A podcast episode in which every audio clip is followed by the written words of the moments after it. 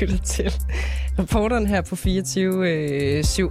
Jeg ved ikke, hvorfor jeg griner. Det er, fordi du... Det er fordi, der er to dage tilbage. Til to øh, dage tilbage, så er det sommerferie. Ja, det er faktisk rigtigt. Yes. Ja. Mm. Men øh, der er jo ikke sommerferie helt vel. Øh, det kan vi jo godt lige tale til med det samme. Der kommer jo et, et sommerreporterne-program. Ja, det er vores sender, gode øh, kollegaer, der ligesom tager over for os. Øh, Og det bliver meget bedre mange, jo. mange uger. De bliver Det meget bedre. bliver meget Det bliver bedre. meget bedre. Lige præcis. Så det kan I jo se frem. Mellem 8 og 9 mm. hver morgen. Jeg glæder mig selv Ja. til at lytte til det. Ja, du lytter til øh, reporterne her på øh, 24 øh, 7 øh, original øh, version med øh, Alexander Vils og øh, Cecilie Lange. Og Alexander, det ser ikke så godt ud for USA's tidligere præsident øh, Donald Trump. Lige nu der er 6. januar-høringen i gang. Det er den store kommission, der undersøger, hvad der skete den 6. januar, da kongressen i USA jo blev stormet. Og i går der vidnede en af Trumps øh, nærmeste, nemlig øh, Cassidy Hutchinson. Jeg tror faktisk, det var i forgårs, men det er egentlig ikke så vigtigt. I sit øh, vidneudsagn, der fortæller hun, hvordan præsidenten fik at vide, at Secret Service, at de mange demonstranter foran kongressen var stærkt bevæbnet, og at Trump til synlædende var fuldstændig ligeglad med det. Øhm, nu skal vi sige godmorgen øh, til dig, Anders øh, Krøjgaard Lund. Godmorgen. Godmorgen. Du sidder i Horsens øh, byråd for konservativ, og så er du også folketingskandidat for, for samme parti. Øhm, jeg ved jo, at du har tidligere støttet Donald Trump, men det gør du ikke længere. Øhm, prøv lige at sætte nogle ord på, hvad tænker du, når detaljer som øh, dem, jeg lige listede op før, kommer frem nu om Trump og, og den måde, han agerede på 6. januar sidste år? Jamen altså, det vidner jo om en mand, der fuldstændig har været ude på en øh, demokratisk øh, derut. Øhm, det vi jo kunne se allerede under optakten til afgørelsen på præsidentvalget, nemlig at Trump var ude øh, som præsident øh, og, og underkende øh, selve valgsystemets øh, rigtighed og legitimitet, og på forhånd sagde, at der vil være valgsvindel. Øh, og på den måde ligesom starter med at sige, øh, at det her det kommer til at gå galt, og når det går galt, så er det i hvert fald ikke min skyld, så er det systemets skyld, mm. og så er det fordi, der er valgsvindel. Altså det, det, er jo en, det er jo en totalt usympatisk mand, der har øh, misforstået hele demokratiets og grundlæggende opsætning. Mm. Kommer det bag på dig? Det kommer nok... Øh, Ja, ja, så hvis man siger, på nuværende tidspunkt, så bliver jeg knap så overrasket. Men, men jeg blev gradvist mere og mere overrasket over, hvor lidt respekt han havde for det hele. Undskyld. Øhm, eksempelvis, øh, da han skulle overdrage øh, det hvide hus, at han valgte ikke engang at se Biden i øjnene på dagen. Altså, det, der, der blev jeg måske lidt overrasket over, hvor øh, elendig øh, han egentlig er til sådan en almindelig demokratisk øh, omgang. Jeg vidste godt, at han var en outsider. Det var jo ligesom det, som øh, folk øh, blev tiltrukket af. Øh, jeg blev personligt tiltrukket af hans politik, hans bagland og alt det der, han nu engang stod for, det han gerne ville gennemføre. Mm. Og kunne hele tiden godt tænke mig, at det var en anden. Øh, og vi må bare se, at det, som jeg godt kunne have tænkt mig, det var jo Mike Pence, den vicepræsident, som aldrig blev den præsident, vi fortjent.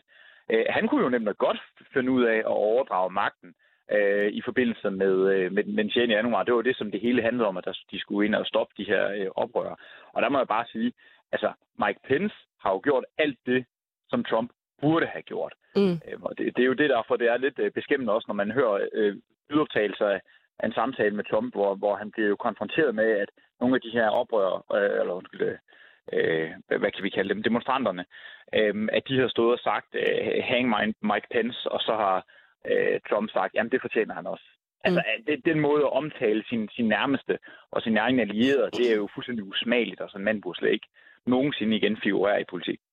Øh, man kan jo måske godt sige, at Trump hele tiden har været en, en karakter. ikke En uh, Twitter-præsident, en mand, der talte i, i slogans og i nogens øh, øjne også øh, kun var ude på at, at provokere. Til politikken, der udtalte du i oktober 2020, jeg vil hellere have en, stør, øh, en skør kaptajn på sikker kurs end en sikker kaptajn, der nok kan finde ud af at socialisere nede øh, i baren, men slinger i, i valsen. Hvad mente du egentlig med det? Men der mener jeg især, at der også er en reference til Barack Obama, øh, som er meget sympatisk, meget, øh, nu siger jeg demokratisk, som øh, ikke politisk øh, demokratisk, men at han, han er, øh, øh, han udviste den rette demokratiske ånd og forstod øh, spillet. Men, men hans udenrigspolitik eksempelvis, hans forsvarspolitik, hans, øh, øh hans øh, økonomiske politik var ikke øh, øh, det, jeg vil foretrække. Forstået på den måde, at især i, med krigen i Syrien, da den raserede, der forsøgte Obama at sige at hertil og ikke længere over for præsident Assad, altså noget med at bruge øh, kemiske våben mod egne borgere, øh, og det gjorde Assad så alligevel, og, og, og Barack Obama håndhævede det ikke. Det vil sige, at der var ikke nogen kurs. Det var mm. en, en slinger i valsen, og så kan det godt være, at han var en sympatisk og, og vældig præsident, men når resultaterne ikke var der efter, så var det jo lige meget. Du og nævner jo selv i... sådan en, øh, en, en krigssituation, ikke? og det er jo et helt vildt godt eksempel på, hvor, øh, hvornår det øh, for alvor er vigtigt, hvem der ligesom er kaptajn. Ikke? Øhm, men, men du siger også, at du vil hellere have en skør kaptajn. Vil du også hellere have en skør kaptajn i sådan en, øh, en krigssituation? Øhm, lad os sige, at det for eksempel var Donald Trump, øh, som var øh, præsident nu, i en, øh, i en tid, hvor Putin jo står og, og banker på, og vi ikke rigtig ved, hvad filerne han kan finde på. Ja, om, øh, spørgsmålet her er meget svært, fordi lige præcis i USA er der jo den, den have ved det, at der er præsidenten jo også commander-in-chief, og det er jo mm. sådan en ting, de har arvet desværre helt tilbage fra, at USA er født ud af, af, ud af krig øh, igennem revolutionskrigen. Jamen, øh, at den amerikanske præsident er også øverstkommanderende for de væbnede styrker. Og i den henseende kan det nogle gange være godt, at han har det sidste ord, øh, men det kan også være rigtig, rigtig skidt, i og med, at så kan han øh, hans personlige vilje jo altså desværre også udmønte sig i noget øh, knap så hensigtsmæssigt. Men der må jeg bare sige, der har jeg stadigvæk tillid til, at det militære system, at de generaler, der sidder der, rent faktisk godt kan sige fra, hvis noget det, det er øh, åbenlyst øh, retarderet. Mm. Øh, det vil jeg sige, det er i hvert fald den tillid har jeg da trods alt til, til, til systemet. Men det er hensigtsmæssigt i en krisesituation, at nogen kan træffe hurtige, konkrete beslutninger, øh, uden først at have et større øh, parlamentarisk arbejde i gang. Og det, øh, det ved jeg godt, det, det lyder ikke super populært at sige, fordi så går man jo mod helt den demokratiske ånd. Og jeg foretrækker også en dansk løsning, hvor det nogle gange er Folketinget, altså parlamentet, der kan indsætte øh, styrkerne.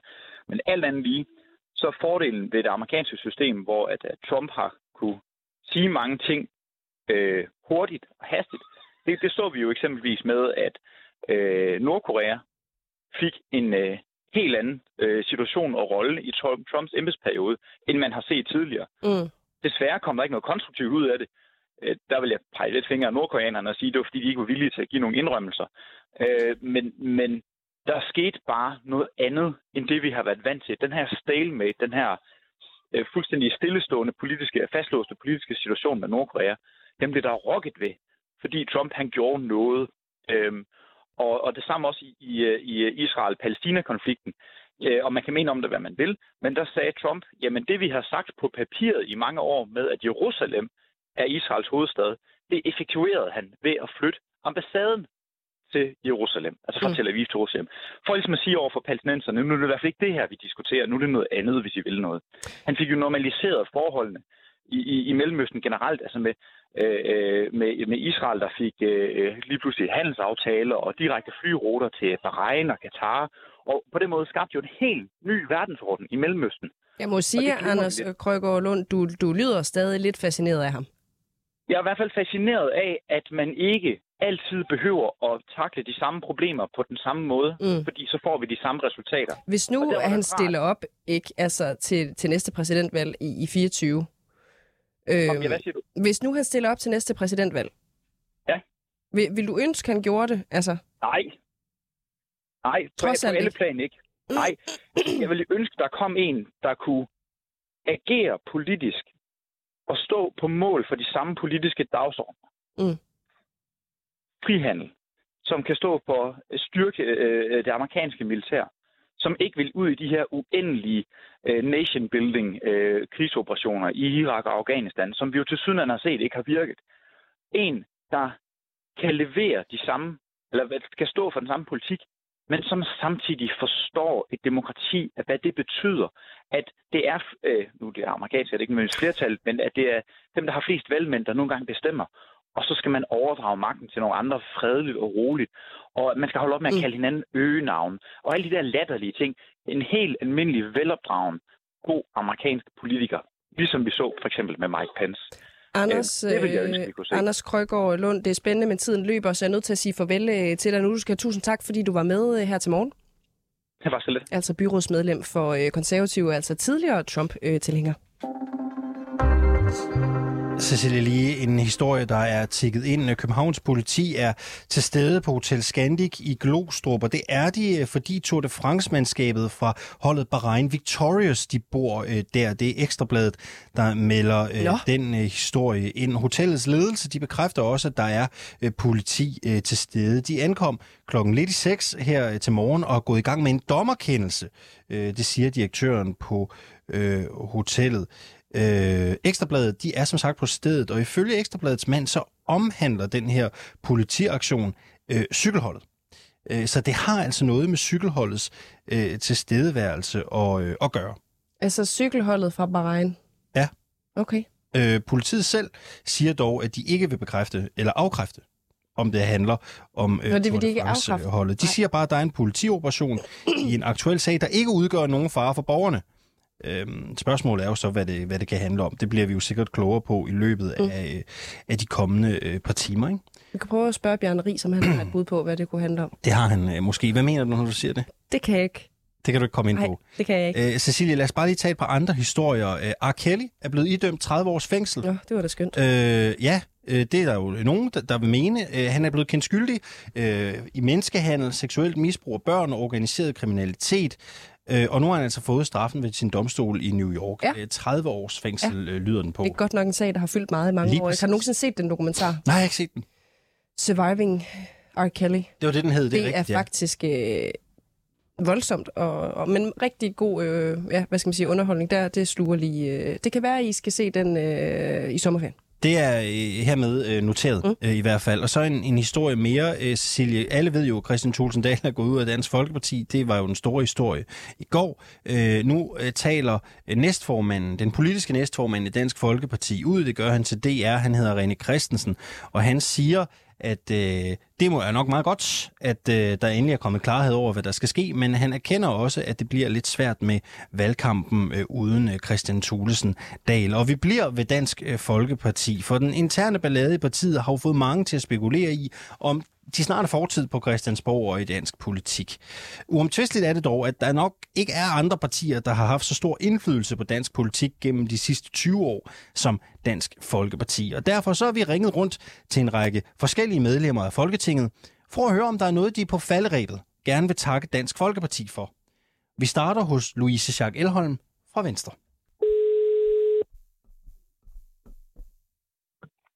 Det er Louise. Ja, goddag. Du taler med Alexander Lorentzen. Jeg er journalist, der ringer ind fra 24 Goddag. Jeg ringer og står i et studie og optager, og vil høre, om jeg må stille dig et hurtigt og ret ufarligt spørgsmål. Jeg har vel ikke så mange valgmuligheder, når du ringer fra studiet. Du må godt sige nej, men det er ret ufarligt. Nå, Hvad vil du spørge mig om? Det er fordi, jeg ringer rundt, øh, som du sikkert har bemærket, så øh, er det jo lidt problematisk i Dansk Folkeparti for tiden. Øh, så jeg ringer simpelthen bare rundt i dag til partier i Folketinget, der ikke er Dansk Folkeparti, for at spørge medlemmerne, om der er noget, I gerne vil takke Dansk Folkeparti for her på falderæbet. Nu håber jeg jo ikke på, det falder rebet. Vi har haft meget godt samarbejde med Dansk Folkeparti. Jeg har altid sat pris på Dansk Folkeparti. Og derfor så håber jeg selvfølgelig ikke på, det får falde rebet. Men øh, ellers så, så jeg vil altså altid synes, at det har været godt at sam- samarbejde med Dansk Folkeparti. Ja. Hvad synes du, Dansk Folkeparti har gjort allerbedst? Hvis du sådan skal tænke tilbage. Du siger det som om, at det er, er, er slut. Det kan vi jo ikke vide. Vi håber da på, at de stadigvæk kan, kan overleve. Så, øh, så altså, øh, jeg synes, at øh, de har været rigtig gode til at, at fremføre sager på, på indvandrerområdet øh, og, og sikre en, en skrab udlændingepolitik i Danmark. Ville dansk politik være, øh, ja, ikke bare dansk politik, men det danske samfund, ville det være fattigere, hvis øh, der ikke længere var et dansk folkeparti? Det er op til vælgerne at bestemme. Jeg vil slet ikke blande mig i, hvordan Folketinget kommer til at se ud. Jeg kæmper for, at Venstre kommer til at klare det godt, og Blå Blok kommer til at klare det Hvad, godt. hvad vil du selv tænke sådan, hvis vi ser bort fra, at du selvfølgelig er i Venstre, og du stemmer Venstre, og du holder med Venstre, det er der jo ingen tvivl om. Vil du synes, det var ærgerligt, hvis Dansk Folkeparti ikke var i Folketinget mere? Jeg vil selvfølgelig savne det gode samarbejde, jeg har haft med Dansk Folkeparti. Jeg håber selvfølgelig på, at jeg kan samarbejde godt med masse andre partier. Ved du hvad, det var sådan set øh, bare det. Tusind tak skal du have. Selv tak, det er godt. Kan du have en god sommer? I lige måde. Hej du. Hej. Ja, hallo? Annie Mathisen. Goddag. Fandt en fornøjelse, du ringer tilbage. Jeg hedder Alexander Lorentzen. Jeg er journalist inde på 24 Ja, Jeg ringer til dig og står i et studie og optager, og vil høre, om jeg må stille dig et, et helt ufarligt spørgsmål. Kan du sige lidt om, hvad emnet er, du stiller spørgsmål om? Det, det, ja, det kan jeg sagtens. Øh, det handler jo om øh, Dansk Folkeparti. Jeg ringer simpelthen rundt til politikere i dag, som sidder. Ja. i Folketinget, for at høre, ja. om der er noget, de gerne vil takke Dansk Folkeparti for. Ja, Det er det, der er spørgsmålet til dig. okay. Men øh, nu er de der vel stadigvæk. jeg har ikke hørt nyt. altså, det, det er vel ikke sådan en... Øh, hvad du sagt? En farveltale, han har sagt til Dansk Folkeparti. ikke indtil videre. ikke indtil videre. Jeg ringer bare for at høre... Du stiller bare et par spørgsmål. Ja, men jeg vil simpelthen bare spørge, øh, Annie. Det, det er fordi, at, at Dansk Folkeparti er jo stadigvæk på tinge, øh, men alt tyder jo på, at, øh, at der er lidt, øh, der er lidt mandefald øh, i partiet. Øh, Øh, derfor så er vi sådan bare lidt på forkant med tingene her på 24-7 og ringer rundt og spørger øh, politikere fra både blå og rød blok, om der er noget, de godt kunne tænke sig, nu hvor der er mulighed for det, at sige tak til Dansk Folkeparti for. Ja, øh, det er vel helt bestemt. Øh, altså, jeg går jo også ud fra, at de er der endnu, også når jeg kommer i Folketinget efter sommerferien. Men altså, der er i hvert fald mange ting i forhold til øh, blandt andet øh, Mette Jermin Denker, som jeg har arbejdet meget sammen med i forhold til udvikling i landdistrikterne. Øh, vi sidder begge to i udvalg for landdistrikter og øer, og øh, og der har der været mange ting, som øh, Mette og jeg har arbejdet sammen omkring øh, i forhold til at sikre bedre udvikling i landdistrikterne. Ja. Hvad, hvad er det bedste, I har opnået sammen, hvis du skal nævne en ting?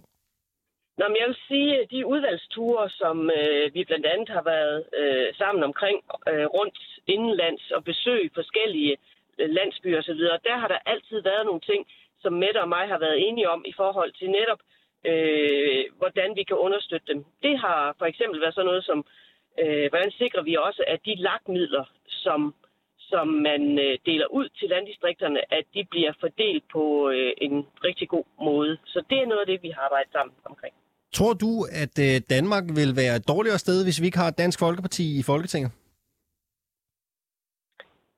Øh, jeg vil jo sige på den måde, det er jo, det er jo altid mærkeligt, når man øh, måske mister et parti, som ellers har været der igennem mange, mange år, og for den sags skyld også øh, nogle af de øh, gode kollegaer, som man har arbejdet tæt sammen med. Så, øh, så på den måde. Men jeg ved også godt, at i politik, så, øh, så glemmer folk hurtigt, og det vil sige, øh, formentlig i løbet af, af få måneder, så er der så en ny hverdag på Christiansborg, som man så arbejder ud fra. Ja, hallo, det er Alexander Lorentzen. Ja, det er Katarina Amitsbøl. Ja, goddag. Tak fordi du ringer tilbage.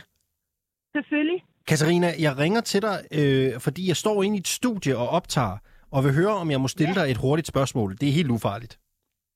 Okay, hvad drejer det sig om? Det skal jeg fortælle dig. Det er jo fordi, øh, som du sikkert har bemærket, så øh, går det hurtigt over i Dansk Folkeparti for tiden. Øh, Ja, der, der ryger jo et, et medlem øh, nærmest dagligt i Folketingsgruppen. Og jeg ringer rundt til de øvrige partier i Folketinget i dag, øh, for at høre medlemmerne, om der er noget, de godt kunne tænke sig at takke Dansk Folkeparti for. Og det vil jeg selvfølgelig også gerne spørge dig om. øh, ja. Øhm, jeg, jeg har jo ikke været i, i politik så længe. Jeg har jo været der tre år. Men jeg vil da sige tak for det samarbejde, de har haft her. I, vi har haft i forhandlinger om, øh, om øh, energi og om, øh, om grøn gas. Og øh, vi, det har vi haft et ganske fint samarbejde. Og jeg er glad for, at de også har taget det grønne alvorligt, Dansk Folkeparti. Synes du, Dansk Folkeparti er sådan, øh, måske på deres senere tid, er blevet sådan lidt mere grønne, end man måske normalt har troet partiet ville være? Det er de, og det synes jeg er rigtig godt, at vi øh, nu alle, faktisk alle på Christiansborg, øh, alle partier, øh, stort set mener, at den grønne omstilling er utrolig vigtig, og øh, også vores klima. Så i virkeligheden også et tak til Dansk Folkeparti for at tage den grønne omstilling seriøst. Ja, det synes jeg, fordi vi, vi, skal, vi har brug for alle kræfter til at løfte det her, og det synes jeg er godt, at de også er med til. Det er Bjørn Lars. Ja, goddag Bjarne. Du taler med øh, Alexander Lorentzen inden for 24 Ja, hej. Bjarne, øh, jeg står i et studie og optager og vil høre, om jeg må stille dig et hurtigt og, og hånden på hjertet, ingen kaniner i hatten, ufarligt spørgsmål. Ja, hvad drejer det sig om? Det drejer sig om Dansk Folkeparti jo. Er der noget, du har lyst til at sige tak til Dansk Folkeparti for? Øh, Ja, der er en enkelt ting, det er, at de har medvirket til, at vi har fået Arne-pensionen. Ja. Så hvad, hvad er det, Dansk Folkeparti har gjort godt for det danske samfund ved at gå med i den aftale? Jamen det er jo, at øh, efter de selv var med til at afskaffe øh, efterlønnen, øh, og så har vi øh, konstrueret en ny ordning, og den har de så været med til at sikre. Det synes jeg er helt fint, fordi vi har behov for, at folk, der har været lang tid på arbejdsmarkedet og har haft et hårdt fysisk arbejde, at de også kan trække sig tilbage. Og det er jo et sted, hvor vi har en, en fællesnævner. Kommer du til at savne Dansk Folkeparti, hvis øh, de ikke længere er på Christiansborg efter næste valg? Det er svært at sige. Ja, så lød det altså her til sidst fra Bjarne Lausen fra Socialdemokratiet. Derudover kunne du i indslaget høre øh, Anne Mathisen fra Venstre og Katarina Amitsbøl fra De Konservative.